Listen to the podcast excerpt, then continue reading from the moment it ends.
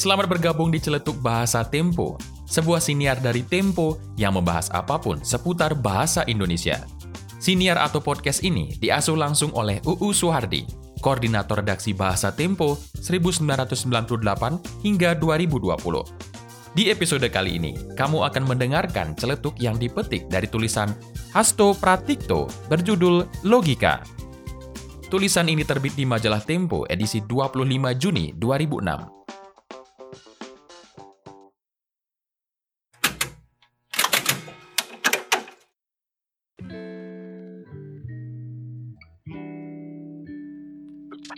Pikiran dan bahasa ibarat api dan asap. Keduanya berkait erat. Piaget, pakar psikologi asal Swiss, berpendapat bahwa pikiran membentuk bahasa. Pikiran menentukan aspek sintaksis dan leksikon bahasa. Bila demikian, mari kita simpulkan. Jika pikiran kacau, maka bahasa juga jadi kacau.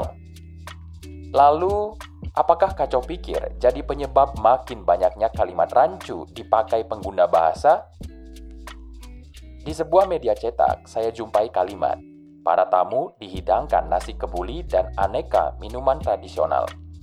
Sesaat ketika membaca para tamu dihidangkan, otak iseng saya membayangkan para tamu itu diumpankan kepada sesuatu. Misalnya kepada singa lapar di Kolosium, seperti narapidana zaman Romawi kuno. Tapi setelah dipikirkan lagi, maksud si penulis adalah nasi kebulilah yang dihidangkan kepada para tamu, bukan sebaliknya. Anehnya, kenapa dia tidak menuliskannya para tamu dihidangi nasi kebuli? Atau nasi kebuli dihidangkan kepada para tamu? Atau bisa juga kepada para tamu, koma, dihidangkan nasi kebuli. Mulanya, saya mengira itu kecerobohan pribadi si penulis tapi makin hari, makin banyak saja muncul bentukan semacam ini. Misalnya pada kalimat mereka dikenakan tahanan rumah, yang seharusnya mereka dikenai tahanan rumah. Atau buruh yang terkena PHK diberikan pesangon, padahal yang semestinya buruh yang terkena PHK diberi pesangon. Juga pada kalimat tersangka dikenakan pasal berlapis, yang seharusnya tersangka dikenai pasal berlapis. Dan masih banyak contoh lain yang mudah ditemukan. Kesilapan bahasa semacam ini bukan sekadar soal pilihan kata atau ideolek, melainkan kesalahan logika yang serius. Sama kelirunya dengan 3 kali 5 sama dengan 27. Akhiran kan dan i dalam konteks kalimat-kalimat tadi membentuk makna berlawanan, Hal ini mudah dirasakan oleh pengguna bahasa yang berpikir. Lalu, kenapa kacau pikir semacam ini malah terus terjadi, bahkan seperti tak lagi disadari sebagai kesalahan? Kita justru sibuk dengan kesalahan lain, berdebat soal mana yang lebih benar, himbau atau himbau, memesona atau mempesona. Sementara kita lupa kesalahan besar yang mendasar, seperti pada kalimat tamu dihidangkan tadi. Mungkin sudah jadi sifat bangsa ini, suka mempersoalkan hal kecil dan remeh-temeh. Seperti halnya para wakil rakyat yang sibuk merancang undang-undang untuk mengatur cara orang memakai kemban dan kutang, atau soal berapa lama dua orang boleh berciuman. Tapi mereka lupa menuntaskan hal yang lebih mendesak, seperti masalah kemiskinan dan korupsi yang mendarah daging. Apa sebenarnya penyebab kesalahan bahasa ini terus berulang? Kalau menurut saya, masyarakat kita tak terbiasa memakai otak kirinya dan enggan bertumpu pada logika. Dalam sejarah, bangsa Timur sering diletakkan sekutuk dengan spiritualisme yang menyangkut rasa dan intuisi. Sementara bangsa Barat ada di kutub seberangnya, yakni materialisme, yang mengutamakan nalar dan logika. Ah, soal Barat Timur ini saya jadi teringat ketika masih di SMA. Saat pelajaran bahasa Indonesia, ibu guru menjelaskan pendapat Sanusi Pane tentang bagaimana seharusnya bentuk kebudayaan Indonesia setelah merdeka.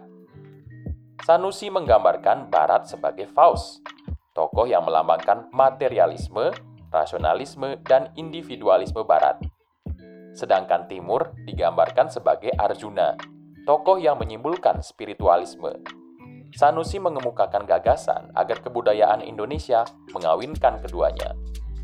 Tak bisa dimungkiri, materialisme dan rasionalisme barat yang sering kita cibir tapi diam-diam kita kagumi telah melahirkan teknologi dan ilmu pengetahuan, memicu industrialisasi, dan menumbuhkan peradaban dahsyat. Di pihak lain, kearifan timur telah melahirkan agama-agama besar yang jadi tuntunan spiritual.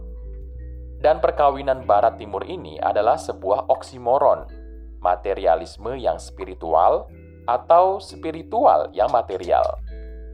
Saya hanya bisa menebak-nebak, tapi mungkin itulah yang dimaksud Sanusi Pane. Rasa dan intuisi timur belum merupakan bentuk sempurna. Ia mesti dipadukan dengan nalar dan logika barat. Hal ini juga berlaku dalam berbahasa, sehingga kita bisa lebih memakai logika dan merasakan perbedaan makna kata dihidangkan dan dihidangi. Sebelum sajian utama celetuk bahasa Tempo kita tutup, UU Suhardi punya contoh lain menyangkut perbedaan penggunaan akhiran i dan akhiran kan. Misalnya pada kalimat, kota itu dijatuhkan bom. Kalimat ini mesti diubah menjadi kota itu dijatuhi bom. Atau bom dijatuhkan ke kota itu.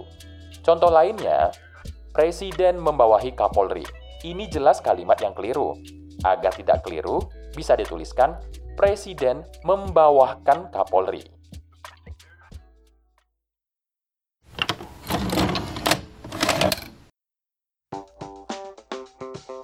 Terima kasih sudah mendengarkan siniar atau podcast Celetuk Bahasa Tempo bersama UU Suhardi. Kalau kamu tertarik menyimak celetuk-celetuk lainnya, kamu bisa membaca rubrik bahasa dengan mengakses majalah.tempo.co. Saya Dewa Made, pengisi suara di episode kali ini. Nantikan episode selanjutnya tiap awal pekan. Salam